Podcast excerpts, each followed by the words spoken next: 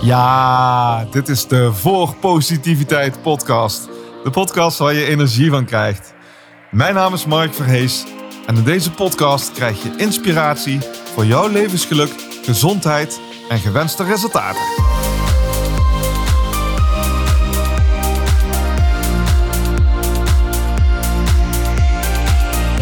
Voor Positiviteit. Tijd, tijd, Wauw, dankjewel. Wat fijn dat jij er bent. Welkom. Fijn dat je deze podcast hebt aangezet. Want de keuzes die je maakt bepalen waar je uitkomt. Letterlijk. De keuzes die je maakt bepalen waar je uitkomt. Dat jij deze podcast aanzet, zou zomaar eens een positief effect op je humeur, op je stemming kunnen hebben. Want het is mijn ambitie, mijn passie om het leven mooier te maken. Door me te verbinden met positiviteit, met liefde, met geluk en alles wat bijdraagt. Zonder daarbij serieuze onderwerpen uit de weg te gaan. Want laten we wel wezen, het negatieve hoort ook bij het leven. Het komt hoe dan ook op je pad, ook bij mij. En de vraag is hoe je daar op een positieve manier mee omgaat. Twee jaar geleden overleden allebei mijn ouders, in acht maanden tijd. Mijn moeder in de eerste golf van corona in Brabant, toen het stil was op straat en het virus angstig rondwaarde. We maakten in alle heftigheid mee dat Ma op de coronaafdeling in het ziekenhuis kwam te liggen. We mochten er niet bij. Zouden we mama nog ooit te zien krijgen? Vier dagen later overleed ze. En rondom haar overlijden en de uitvaart had ook mijn pa corona. We moesten afstand houden. Geen knuffels, wel altijd mondmaskers en handschoenen. Zeven maanden later was mijn pa ineens aan de beurt. Hoewel hij met zijn 71 jaar nog super fit was, kreeg hij buikklachten. Voordat het wisten, zaten bij de oncoloog aan het bureau en die wist te vertellen dat mijn pa alvleesklierkanker had. Je moet in maanden denken, niet in jaren. Dat was de boodschap. Een maand later overleed mijn pa. Voor mij was het een rollercoaster. Een angst die ik vroeger had, was ineens werkelijkheid geworden. En ik weet niet hoe het met jou zit, maar heb je wel eens over nagedacht hoe het zou zijn als mensen waar je heel veel van houdt er ineens niet meer zijn? Als ik daar een paar jaar geleden over nadacht, werd ik altijd heel emotioneel. Ik durfde en kon er niet lang aan denken. Het deed dan pijn en de tranen rolden vaak over mijn wangen. Het was mijn, mijn angst voor hun dood. Voor positiviteit, tijd, tijd, Hoe zou het voor je zijn als iemand waar je veel van houdt er ineens niet meer is? Aan wie denk je dan? En wat gebeurt er met je? Het is een onderwerp wat vaak wel in ons leeft, maar waar we niet veel bij stil willen staan. Tenminste, ik wilde daar vroeger ook niet bij stilstaan. Hoe dan ook, vroeg of laat komt het waarschijnlijk wel op je pad. Bij mij op 48-jarige leeftijd. Mijn ouders zijn allebei 71 geworden. En nu het gebeurd is, kan ik zeggen dat mijn beleving, hoe het voor mij is, heel anders is dan ik had gedacht en had gevreesd. Mijn ervaring is juist dat je vooraf helemaal niet weet hoe het zal zijn. En ook het overlijden van mijn ma en mijn pa was in allebei de situaties was gewoon anders. Ook mijn beleving daarvan. Over mijn eerste ervaringen schreef ik het voorwoord van mijn nieuwste boek, het voorwoord van levenslust. Waar wil je mee verbonden zijn? En dit voorwoord wil ik nu graag aan je voordragen, omdat het een voorbode is van iets heel moois, iets wonderlijks. Voor positiviteit, tijd, tijd, tijd, tijd. Voorwoord. Overal zie, voel en hoor ik haar. Als ik mijn ogen sluit, kijk ik haar in mijn gedachten aan. Veelvuldig krijg ik kippenvel door haar aanwezigheid. Ze is bij me en ik praat de hele dag met haar. Levendiger dan ooit. Mijn moeder is een paar dagen geleden overleden en toch is ze bij me. Ze leeft in mijn gedachten. Ze zit in mijn hart.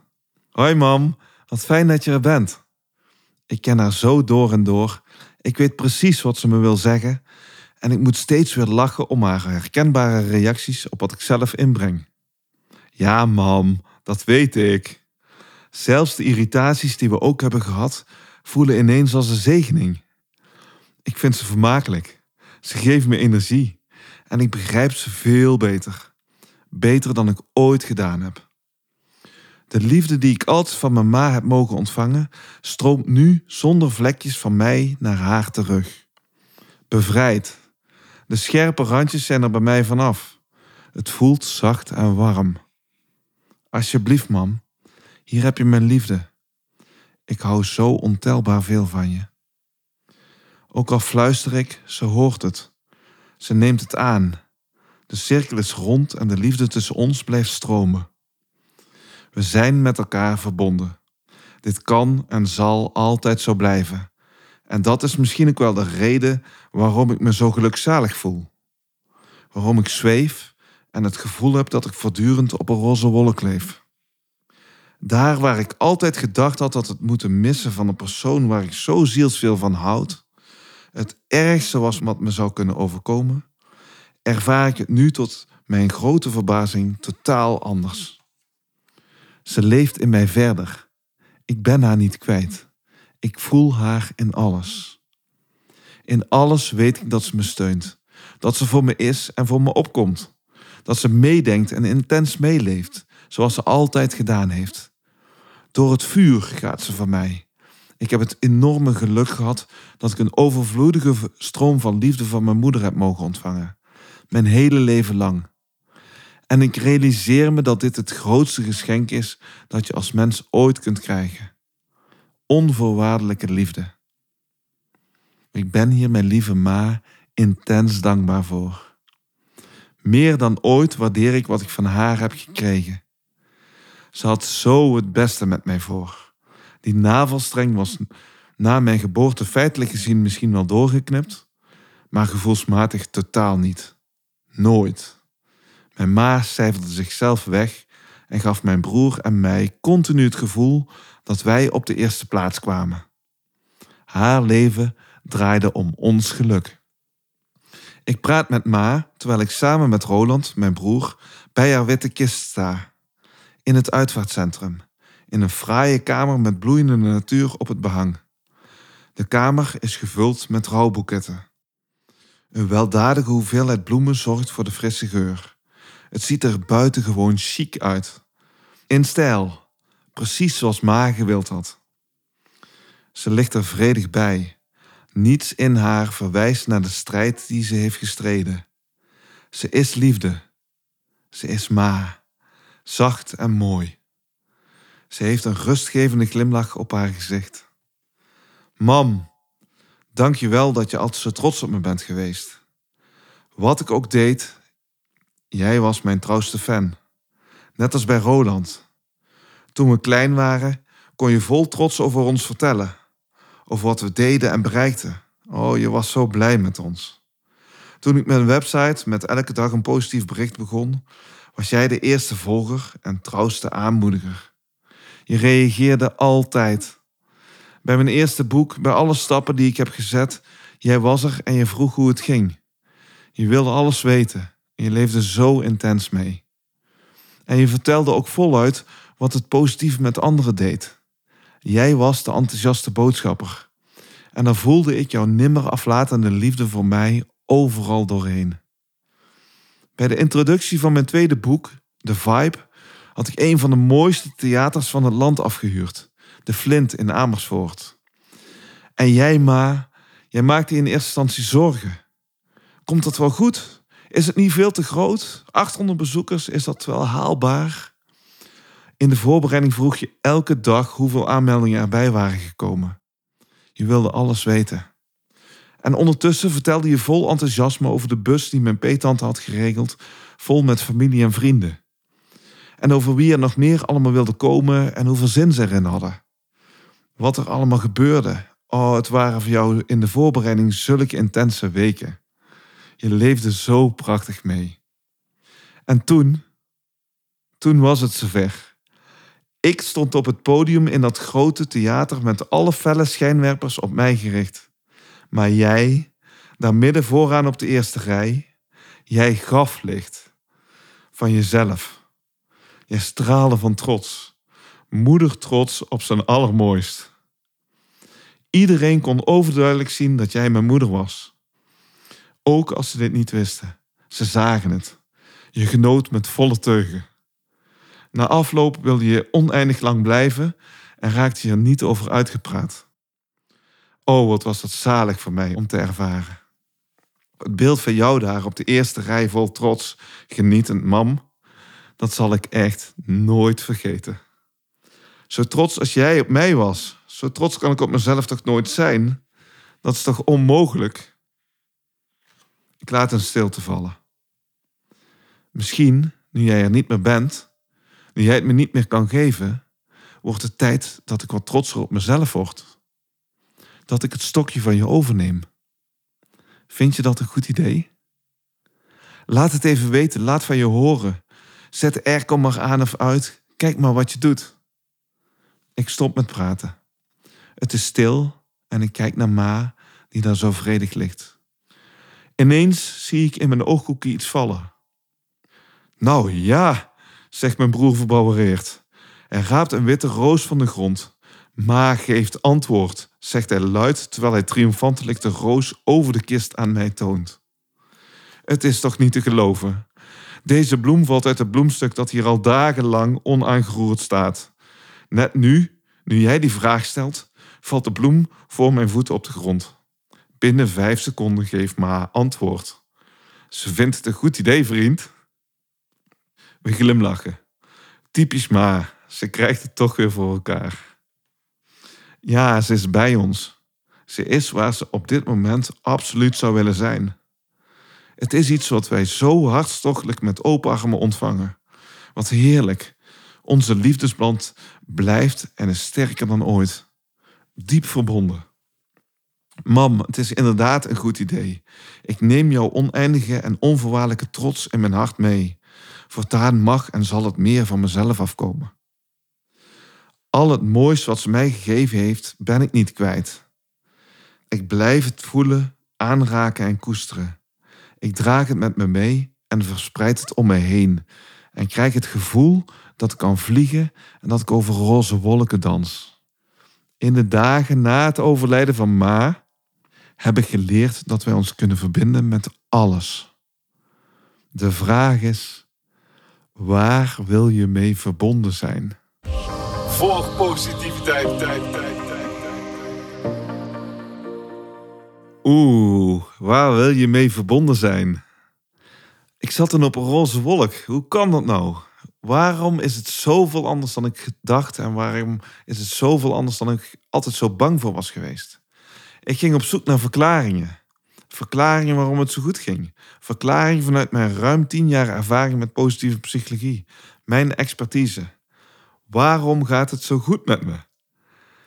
Ik ging nadenken over wat ik weet. Ik weet wanneer wij mensen goed functioneren en lekker in ons vel zitten. Daar praat ik ook graag en vaak over.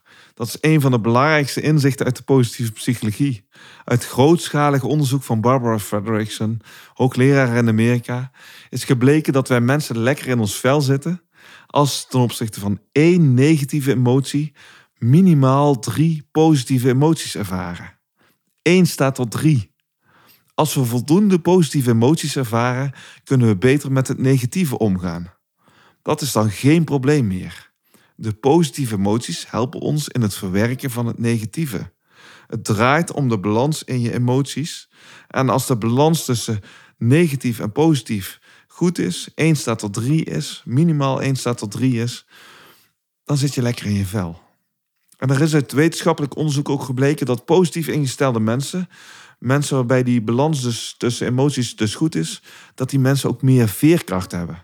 Dat de dalen van negativiteit nog steeds diep en heftig kunnen zijn, maar dat optimisten er juist door die positieve balans sneller uitkomen. Wetenschappelijk bewezen. Dit wetende vond ik het vrij logisch dat ik me al snel goed voelde. Ik ben immers al jaren en jaren iedere dag met positiviteit bezig. Met het dagelijks verdiepen en versterken van positieve gedachten en emoties. Dat is mijn ding. Dat mijn balans goed is, dat weet ik en ervaar ik ook zo. Dat is gevolg van mijn eigen inspanningen. Volg positiviteit, tijd, tijd, tijd, tijd. Een tweede verklaring waarom ik me goed voel, als ik erover nadenk, is de cirkel van invloed en de cirkel van betrokkenheid van Covey. De interne locus of control versus de externe locus of control, zoals psychologen dat zo mooi noemen. Die cirkel van invloed die zit echt diep in mijn systeem. Ik praat daar in trainingen vaak over. Ik schrijf daar vaak over in mijn boeken. En voor mezelf ben ik ook, dus ook, gewoon ontzettend veel mee bezig. Ook in mijn dagelijks leven. Als er iets naars, iets vervelends, iets heftigs gebeurt, laat ik het er zijn. Dan sta ik uitgebreid stil wat er gebeurt en hoe ik me hierbij voel. Het is oké, het mag er zijn. En ik stel mezelf dan vervolgens de vraag: oké, wat kan ik doen? Wat kan ik veranderen? Waar heb ik invloed op? Nu. En dit geeft mij altijd inzicht. Inzicht in de keuzes die ik wel heb. Door het inzicht in wat ik wel en wat ik niet kan veranderen, weet ik dat ik een keuze heb in waar ik mee bezig wil zijn. En ik krijg juist energie van zaken waar ik zelf invloed op heb. De zaken waar ik geen invloed op heb, die kosten me energie. De zaken waar ik wel invloed op heb, die geven de mogelijkheid om iets te veranderen. Volg positiviteit. Tijd, tijd, tijd, In de laatste dagen van mijn ma hebben mijn broer en ik heel vaak nagedacht en gehandeld vanuit onze eigen mogelijkheden, vanuit onze eigen cirkel van invloed. Wat kunnen we zelf doen? Waar hebben we zelf invloed op? Wat kunnen we zelf veranderen? Zelfs in die situatie waarin we niet bij ons ma mochten zijn. Zij in het ziekenhuis lag en wij op afstand waren. En alle lichten dus op rood stonden. Toen hebben we ontdekt dat er nog altijd dingen mogelijk waren. Bijvoorbeeld liefdevolle videoberichten opnemen. En ook broers en zussen van mijn ma stimuleren om hierin mee te doen. En door die videoberichten op te nemen en aan ons pa mee te geven voor bij bezoekuur, bereikte deze berichten dus mijn ma. En zij nam vervolgens weer een lief dankbaar bericht op voor de liefde die zij voelde stromen. En zo was de liefdeslijn gelegd. Als je puur focust op wat je wel kan, ontdek je altijd mogelijkheden. Zo fascinerend. En heel belangrijk ook, dan herpak je je energie in alle situaties. Cirkel van Invloed is echt goud en heeft mij enorm geholpen in donkere tijden.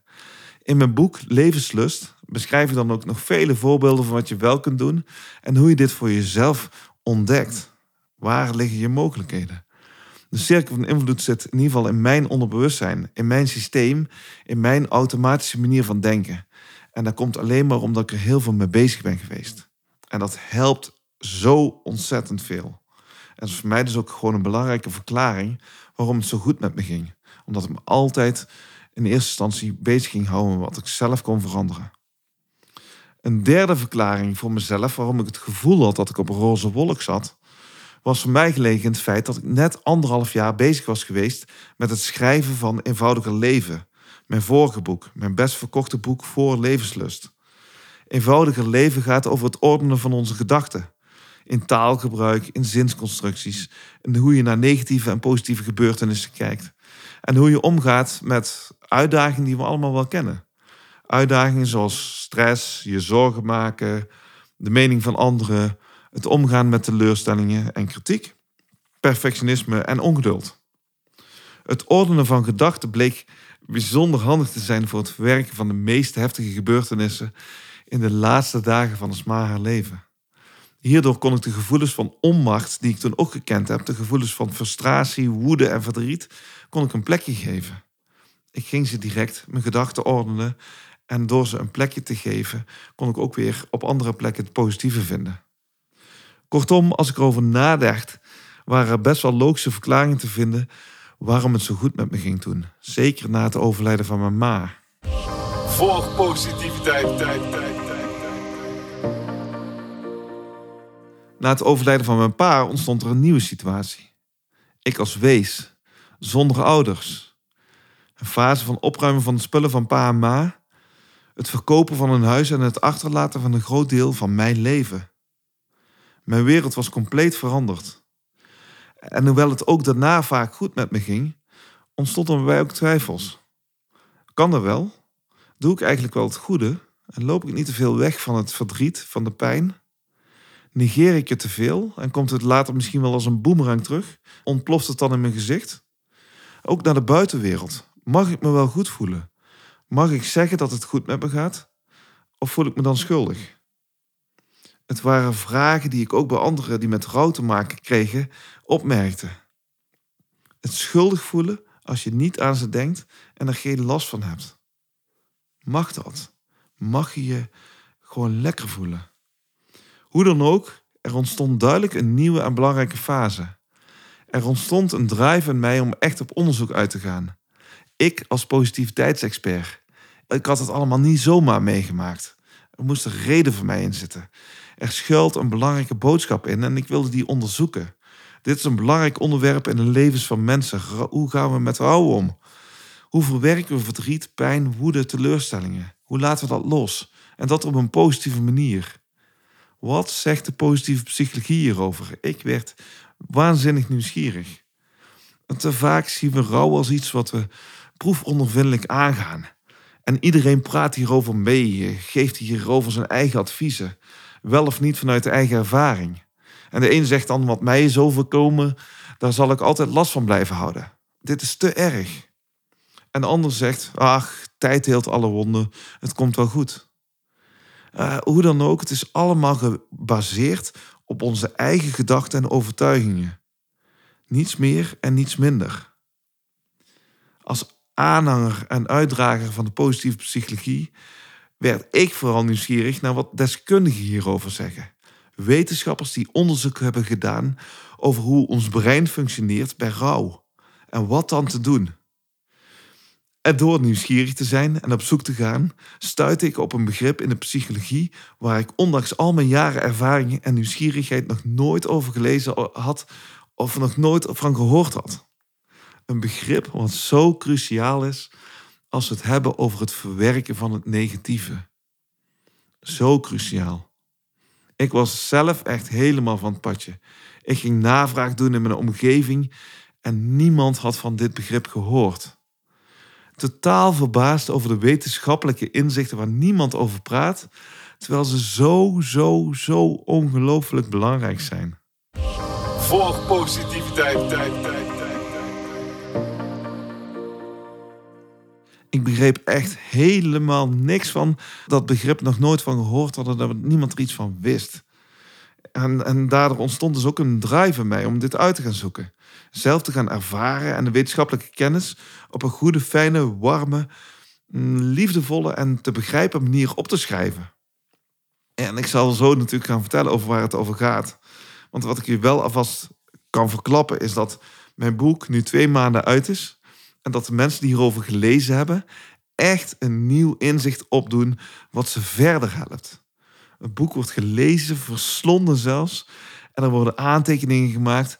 En heel belangrijk voor de verspreiding van de kennis. Het boek wordt cadeau gedaan aan mensen die met rouw en verlies te maken krijgen. Daar ben ik zo dankbaar voor. Want vroeg of laat zijn we dit allemaal. Krijgen we hier allemaal mee te maken. En dan is kennis zo belangrijk. Volg positiviteit, tijd, tijd. Het verliezen van een geliefde. Je hoeft er niet bang voor te zijn. Het verlies, de pijn, zal anders zijn dan je vooraf kunt bedenken. En je kunt zelf stap voor stap hetgeen je verloren bent verwerken. Als je verwerken gaat zien als een werkwoord, met kennis van wat er in je brein gebeurt. En om dit goed uit te leggen, wil ik graag beginnen met een kort verhaal. Een verhaal waarin je waarschijnlijk dingen van jezelf of van je naasten zult herkennen. Het verhaal heb ik uitgebreid in mijn boek beschreven, maar je hoeft er niet voor te kopen. De kennis en de inzichten vind ik in ieder geval te belangrijk om het alleen voor te behouden aan de mensen die het boek willen lezen. En daarom deel ik het ook nu zo graag met je. Doe er je voordeel mee. Volg positiviteit, tijd, tijd. Ik ga even voor mij terug in de tijd. Want jaren geleden heb ik deelgenomen aan een workshop gegeven door de oprichters van Challenge Day. In Nederland staat het ook wel bekend als het van het tv-programma Over de Streep. Misschien heb je het wel eens gezien. In het prachtige, liefdevolle programma werden op een gegeven moment vragen gesteld over wat we hadden meegemaakt. En toen ik die workshop van Challenge Day volgde, was degene die de workshop uh, gaf, die zei: ik benoem zo dadelijk gebeurtenissen die je mogelijk in je leven hebt meegemaakt of die momenteel een rol in jouw leven spelen. En dat kan van alles zijn. Dat kan gaan over de dood van geliefden, ziektes, teleurstellingen, scheidingen van ouders, drugs- en alcoholverslavingen, pestgedrag, onveiligheid thuis, etc. Het kan van alles zijn. Mocht het herkenbaar voor je zijn, dan mag je naar de overkant lopen en aan de andere kant van de streep gaan staan. Door over de streep te gaan, maak je jezelf kenbaar. En ik dacht toen nog, toen ik dat hoorde, nou ja, ik heb niet veel meegemaakt. Ik zal niet vaak hoeven te lopen. En ik bereidde mezelf klaar op mijn rol om anderen op te vangen. Een teken van respect te geven en te steunen, liefdevol te steunen. Daar bereid ik me op voor. En toen de vragen begonnen, bleek ineens dat ik opvallend vaak moest lopen. Dat ik veel meer had meegemaakt dan ik van tevoren had gedacht. Vrienden die op jonge leeftijd overleden zijn, van dichtbij een scheiding meegemaakt en me op de jonge leeftijd verantwoordelijk voelen voor een volwassene. En als klap op de vuurpijl kwam de vraag: Heb je een goede vriend of vriendin die onlangs heeft moeten vechten voor zijn of haar leven en die maar net aan de dood is ontsnapt? En ja hoor, daar ging ik weer. Ik liep weer de streep over. En het raakte me, want het ging over Maarten, de vriend waar ik notabene de workshop mee volgde. Het was fijn om er samen met hem te zijn. En na afloop van de oefening knuffelden we elkaar stevig en ik zei ik verbouwereerd van... Maarten, dat was niet normaal zeg. Hoe vaak ik die streep over ben gegaan. Echt, ik was dat allemaal kwijt joh. Helemaal vergeten. Ik heb dus blijkbaar veel meer meegemaakt dan ik vooraf gedacht had. Volg positiviteit, tijd, tijd, tijd. En toen ik daarover nadacht, vond ik dat vergeten van zulke heftige levensbepalende dingen, vond ik maar raar. Hoe kan ik dat nou vergeten zijn? En toen mijn ouders dus jaren later zijn overleden, moest ik hier weer aan denken. Hoe kan het dat ik negatieve ervaringen vergeet? Dat ze als sneeuw voor de zon verdwijnen. Dat ik er nooit meer aan denk. Psychologisch gezien is dat namelijk helemaal niet logisch. Psychologen beweren juist dat we negatieve ervaringen veel beter onthouden, veel meer impact hebben op het systeem, eenvoudigweg omdat ze veel meer indruk maken. Aangezien ik mezelf wil begrijpen, ben ik toen op zoek gegaan naar antwoorden, naar verklaringen. Dit mysterie van vergeten heftige gebeurtenissen wilde ik oplossen. En al duikend in de literatuur werd me duidelijk: het kwartje viel toen ik de kracht van een begrip uit de psychologie ontdekte, waar ik het net ook al over had, en de waarde ervan leerde inzien en ervaren. Geheugenreconsolidatie. Dit gaat over hoe ons geheugen werkt en hoe we herinneringen in ons brein opslaan. Volg positiviteit, tijd, tijd, Het is essentiële informatie als we gebeurtenissen uit ons verleden een plekje willen geven, als we ze willen verwerken. Hoe werkt dat nou in ons brein? Als ik of jij nu naar een herinnering gaat, een herinnering uit je verleden, je denkt eraan, dan voeg je daar altijd wel een stukje informatie aan toe. De informatie van hoe je je nu voelt en de gedachten die je er nu bij hebt, hoe je er daar nu over denkt, wordt altijd aan de oude herinnering toegevoegd. En die oude herinnering wordt vervolgens weer opnieuw opgeslagen. Jouw herinnering, jouw nieuwe herinnering, is dan het laatst opgeslagen bestand. En je voegt er altijd wel een bepaalde lading aan toe. En door er een, een andere lading aan toe te voegen, krijgt het een, gewoon een heel andere beleving. En dat is ook waarom herinneringen vaak aan verandering onderhevig zijn. Dat wordt geheugenreconsolidatie genoemd. Alles wat je eraan toevoegt, zorgt dat je beleving, de lading van de herinneringen, eh, gewoon anders wordt. En als je iets positiefs aan toevoegt, wordt je herinnering lichter. Je kunt het eigenlijk vergelijken met het bakken van een vis. Stel je staat achter het fornuis, je bent een visje aan het bakken, ligt in de pan, ligt lekker te sudderen. En je ziet het en je ruikt het en hmm, het begint al steeds beter te ruiken. Je hebt de juiste temperatuur te pakken. En aan het einde voeg je nog een beetje citroensap bij en een beetje dille. En je hebt helemaal de smaak te pakken. En die vis is op een gegeven moment klaar. En het het smullen kan beginnen. Als je gaat eten, de vis is nog steeds een vis. Maar door wat jij eraan toegevoegd hebt, door je, dat je ze lekker kunt koken, misschien wel, hopelijk, ehm, heb je er iets positiefs aan toegevoegd en is die vis nog veel lekkerder geworden. En veel eetbaarder geworden. En wordt de smaak daar anders van. En dat is wat er met je geheugen, met denken aan herinnering, voortdurend gebeurt. Wat je er zelf aan toevoegt van het moment waarop je eraan denkt, dat bepaalt eigenlijk of het een betere of een mindere lading gaat krijgen.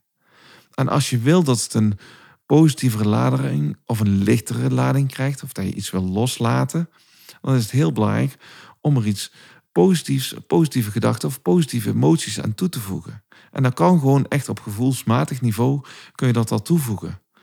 Als je nu bijvoorbeeld denkt aan iets gênants wat je afgelopen tijd gedaan hebt, iets waar je misschien schuldig voelt of voelt naar, naar anderen, dan denkt, oh nee, laat het alsjeblieft niet, eh, eh, dat alsjeblieft niet verder verteld wordt. Zoiets bijvoorbeeld. Als je daar nu aan gaat denken, vanuit een bepaalde speelsheid, of bepaalde vrolijkheid, of bepaalde luchtigheid, en je gaat er heel erg hard om lachen, dan verandert het bestand wat je opslaat. En als je dan de volgende keer aan dat oorspronkelijk genante misschien gaat denken, dan komt er al heel snel een gevoel van, nou weet je, zo erg is het eigenlijk ook wel niet. Ik kan er eigenlijk wel om lachen.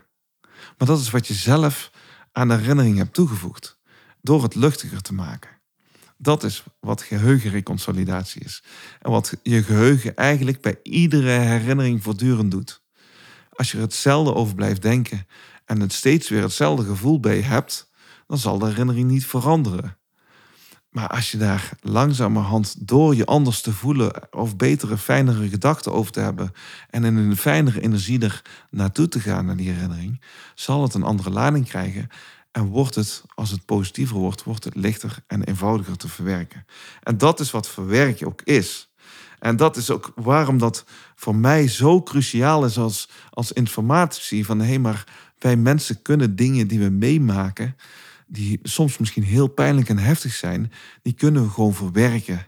En verwerken is een werkwoord als je er zelf actief elke dag mee bezig bent. Volg positiviteit, tijd, tijd. Het opnieuw opslaan van oude herinneringen kennen we als het verwerken van wat er gebeurd is.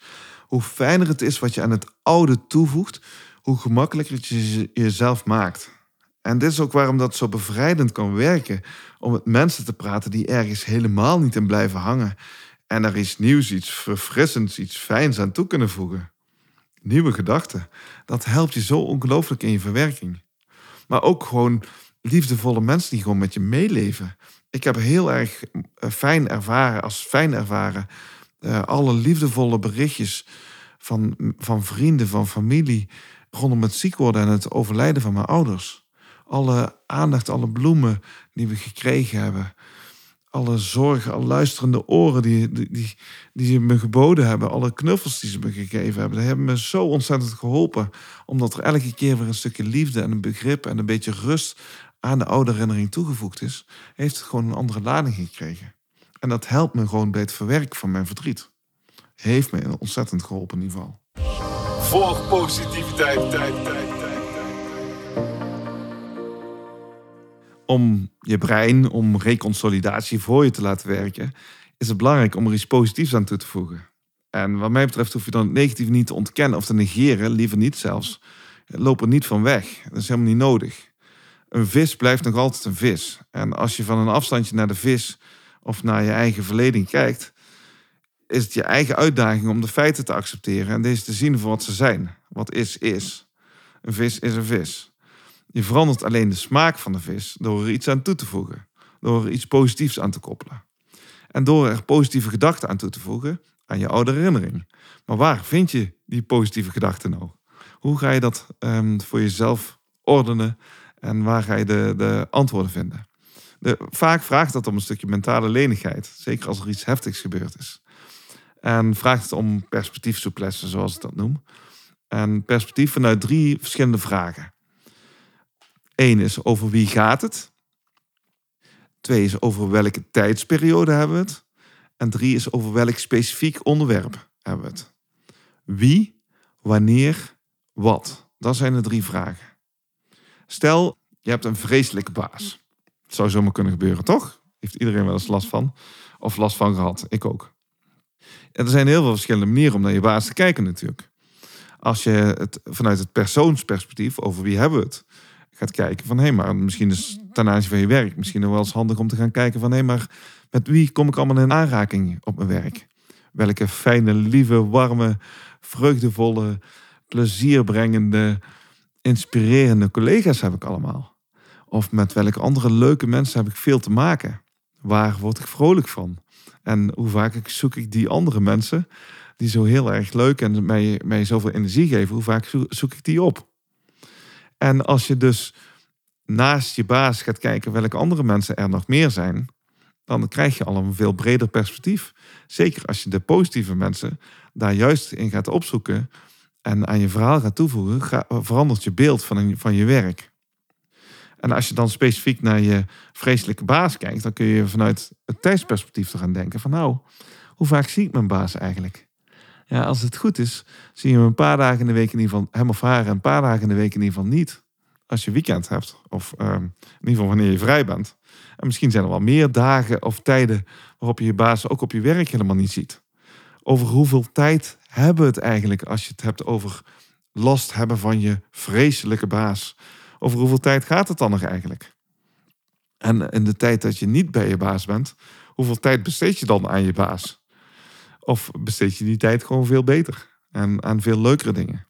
Als je dus uh, veel meer gaat afbakenen, de tijd die je met je baas besteedt, kun je daar buitenom, in de tijd die er omheen zit, kun je nog gewoon heel veel leuke dingen doen. Heel veel leuke dingen ervaren, met, met leuke mensen zijn. En dan verandert je beeld ten opzichte van je, van je baas, ten opzichte van je werk, want je creëert veel meer positieve emoties. En de lading, de negatieve lading die je baas had, verandert daardoor.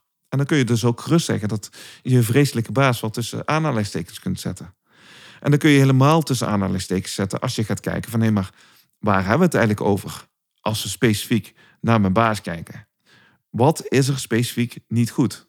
Hoe, hoe nauwkeuriger je dat benoemt, hoe fijner je dat benoemt, hoe gemakkelijker het voor je is om ook op zoek te gaan naar andere dingen die misschien wel heel erg goed aan hem zijn. Misschien is het privé wel gewoon een hele leuke man, of kun je eigenlijk ook, of vrouw, misschien kun je ergens ook wel om je baas lachen. En heeft hij eigenlijk ook wel best wel veel goede intenties, bedoelingen met de organisatie waarvoor je werkt. En misschien ook wel met jou.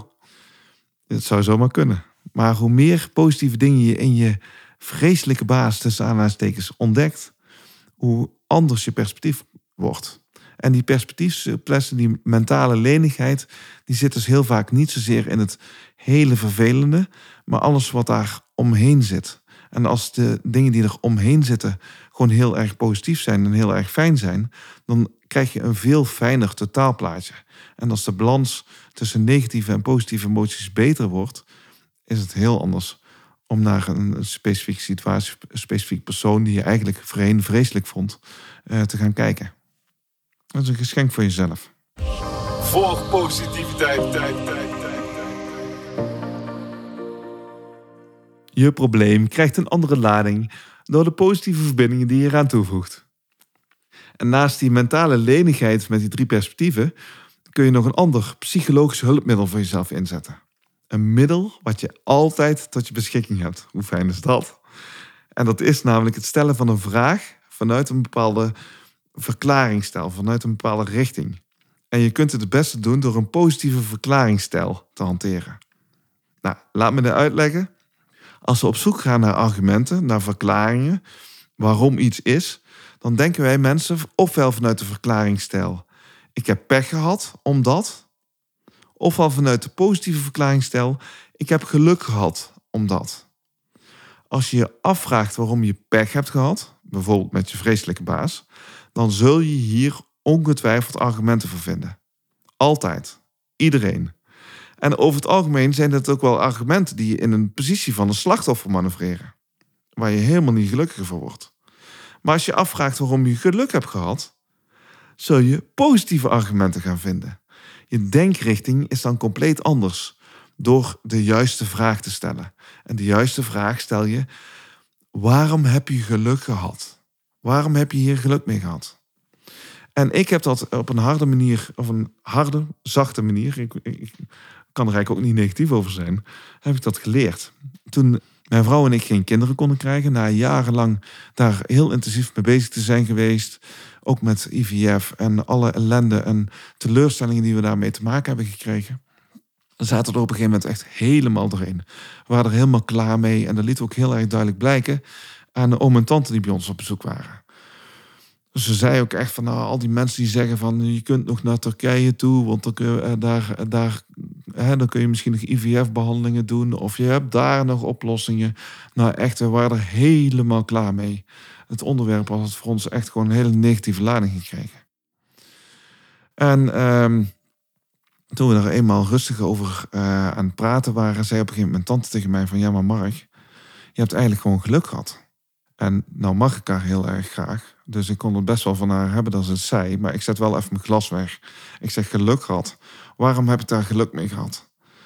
En ze zei van nou ja, doordat jullie geen kinderen kunnen krijgen, heb je veel meer tijd en aandacht voor je passie je passie voor positiviteit. En je helpt nu al zo ontzettend veel mensen met jouw kennis over positieve psychologie en hoe je dat verspreidt. Daar help je zoveel mensen mee. En ik vind het zo ontzettend mooi dat als je daar nog meer tijd en aandacht aan besteedt, dat het alleen maar mooier en groter gaat worden. En dat je daar veel meer mensen mee kunt helpen.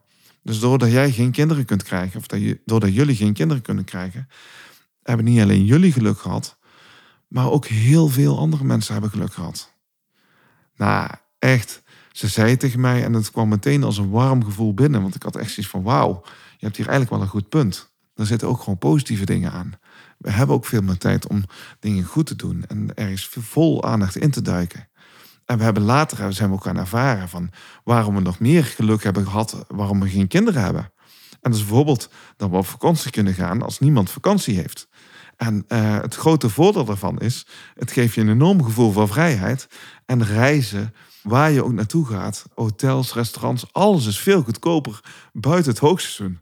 Dus er, is ook nog veel, er zitten heel veel aangename verrassingen uh, die je tegenkomt als je gaat nadenken over waarom je geluk hebt gehad. Dat is in ieder geval een hele fijne manier om je denkrichting te veranderen. Is niet zozeer te denken vanuit de slachtoffer waarom dat je er pech mee hebt gehad en waarom het zo vervelend is. Maar gewoon bij jezelf de vraag stelt van oké, dit is gebeurd. Waarom heb ik er eigenlijk geluk mee gehad? Wat zijn eigenlijk de argumenten die je daarvoor kan vinden. En het leuke van is, je vindt dan altijd daar wel goede argumenten voor. Zeker als je het vaker doet en er meer bedreven in raakt. Volg positiviteit, tijd, tijd, Door positieve argumenten toe te voegen, door vanuit de positieve verklaring te denken, verandert je gevoel en wordt het in één keer een stuk lichter.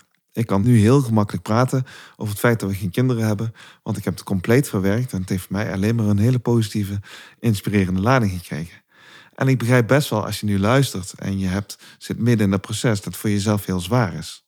Het enige wat ik tegen je kan zeggen is dan van hé, maar stap voor stap, door de dingen toe te voegen, kun je je eigen lading, je eigen ervaring, je eigen uh, beleving kun je veranderen. En dat is wat ik je zo gun. Want je hoeft met de dingen waar je heel veel last van hebt, daar hoef je niet je hele leven mee te blijven lopen. Een andere manier, en ik vind het een van de mooiste, meest verfrissende manieren om, om je geheugenreconsolidatie uh, voor je te laten werken, is je voorstellingsvermogen gebruiken. Om dat gewoon echt goed te benutten. En uh, je kunt dat doen door, bijvoorbeeld door uh, gebruik te maken van metaforen. Metaforen waarmee je jouw negatieve ervaring op een bootje zet bijvoorbeeld. En dan dat je uh, die ervaring, die herinnering op dat bootje zet, uh, rustig naar kijkt en kijkt naar hoe het bootje wegvaart.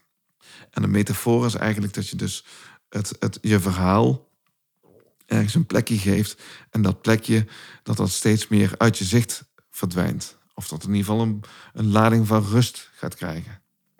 En als het bootje wegvaart voorbij de horizon, weg is uit je gezichtsveld raakt, eh, dan bevrijdt dat voor jezelf een heel klein beetje. De volgende keer zal je gedachte, je herinnering net een heel klein beetje lichter zijn. En hoe vaker je dit doet, hoe anders je beleving wordt.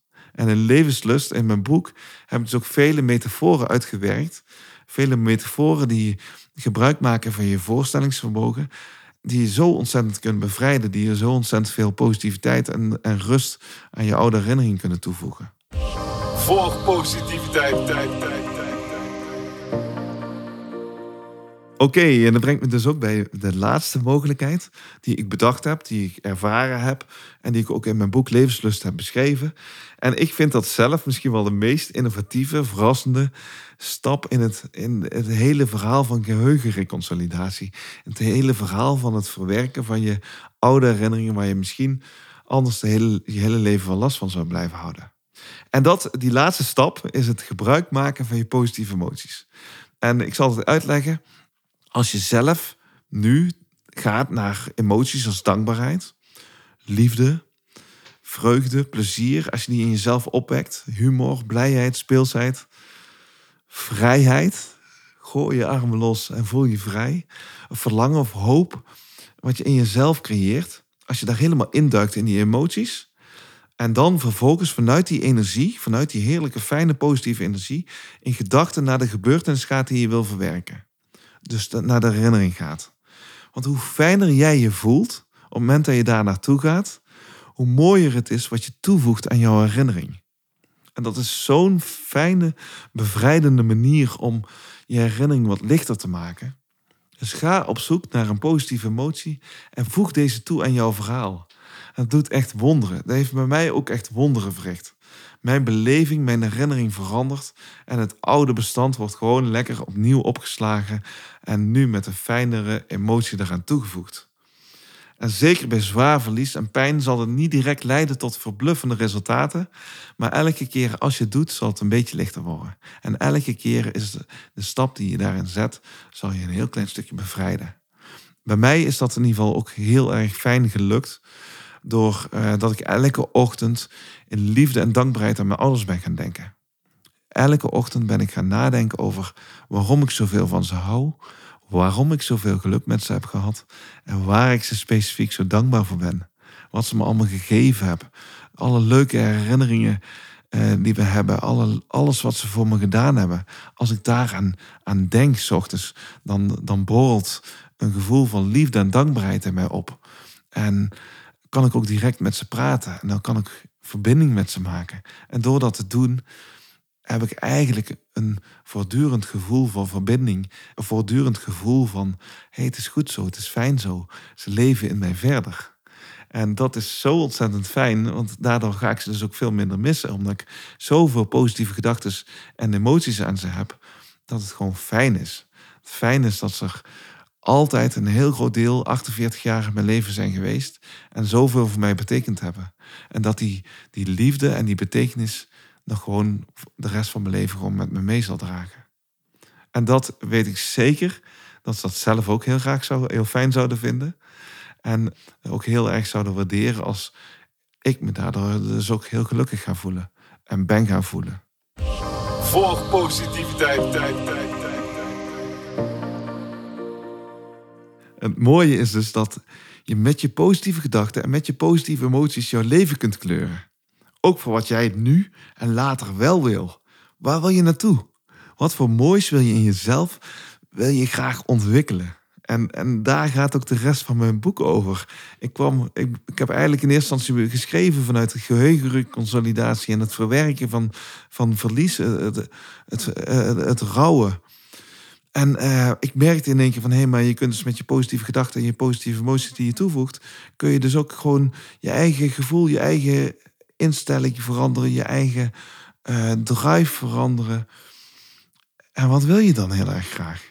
Als je met positieve gedachten en emoties je stemming, je overtuigingen en je onbewuste gedrag kunt veranderen, dan wordt het leven ineens een spannend, heerlijk uitdagend gebeuren. Er is zoveel mogelijk. Trek die positieve lijn dus ook lekker door en verbaas jezelf. Het boek is voor, denk ik, iedereen die het leest, een uitdaging van het heden en de toekomst iets prachtigs te maken. Zodat je aan het einde van je leven kunt zeggen: Wauw, ik heb mijn leven vol plezier en energie geleefd. Ik heb ervaren, ik heb genoten en ik heb mezelf verbaasd over hoe mooi, hoe, hoe fantastisch het kan zijn. Een leven vol levenslust. Ja. Nou, zoals je al merkt, kan ik uren over het boek praten. En misschien doe ik dat ook nog wel eens in een nieuwe podcast. Dus abonneer je lekker op die podcast en laat je verrassen. Voor meer positieve gedachten en voor fijne positieve energie, wat we lekker aan ons verhaal kunnen toevoegen. Volg positiviteit, tijd, tijd, tijd. Aan ons verhaal en aan ons leven. Dankjewel in ieder geval heel erg voor het luisteren naar deze podcast. Ik waardeer het ontzettend. Deel het ook met de mensen om je heen. Zeker ook met mensen die te maken krijgen met rouw of met verlies of met woede of met teleurstellingen. Als je het gevoel hebt van hey, mensen hebben behoefte om iets los te laten. Eh, vertel ze over geheugenreconsolidatie, over het opslaan van de herinneringen. En dat je er altijd iets nieuws aan toevoegt, hoe dan ook. Maar dat je dus ook bewust voor voor kunt kiezen om er iets positiefs aan toe te voegen. Vanuit positieve gedachten en vanuit positieve emoties. Vanuit liefde. En dat is ook wat ik je wens. Eh, heel veel liefs van mij en hopelijk tot snel. Dankjewel. Wauw. Dankjewel voor het luisteren naar de Voor Positiviteit podcast. Ben je geïnspireerd door deze aflevering en wil je nog meer positiviteit in jouw leven? Ga dan naar voorpositiviteit.nl slash spreuk van de dag en je krijgt elke dag de beste positieve spreuk gratis in je mailbox. Abonneer je natuurlijk ook even op deze podcast via je favoriete podcast app. Elke keer als er dan een nieuwe aflevering voor je klaar staat, krijg je automatisch een berichtje. Persoonlijk vind ik het altijd gaaf om van jou als luisteraar te horen hoe deze aflevering je geraakt heeft. Heb je een bepaald inzicht gekregen? Of wil je graag iets delen over deze aflevering? Laat dan alsjeblieft een reactie achter op voorpositiviteit.nl slash podcast. Nogmaals, hartelijk dank voor het luisteren en graag tot de volgende keer.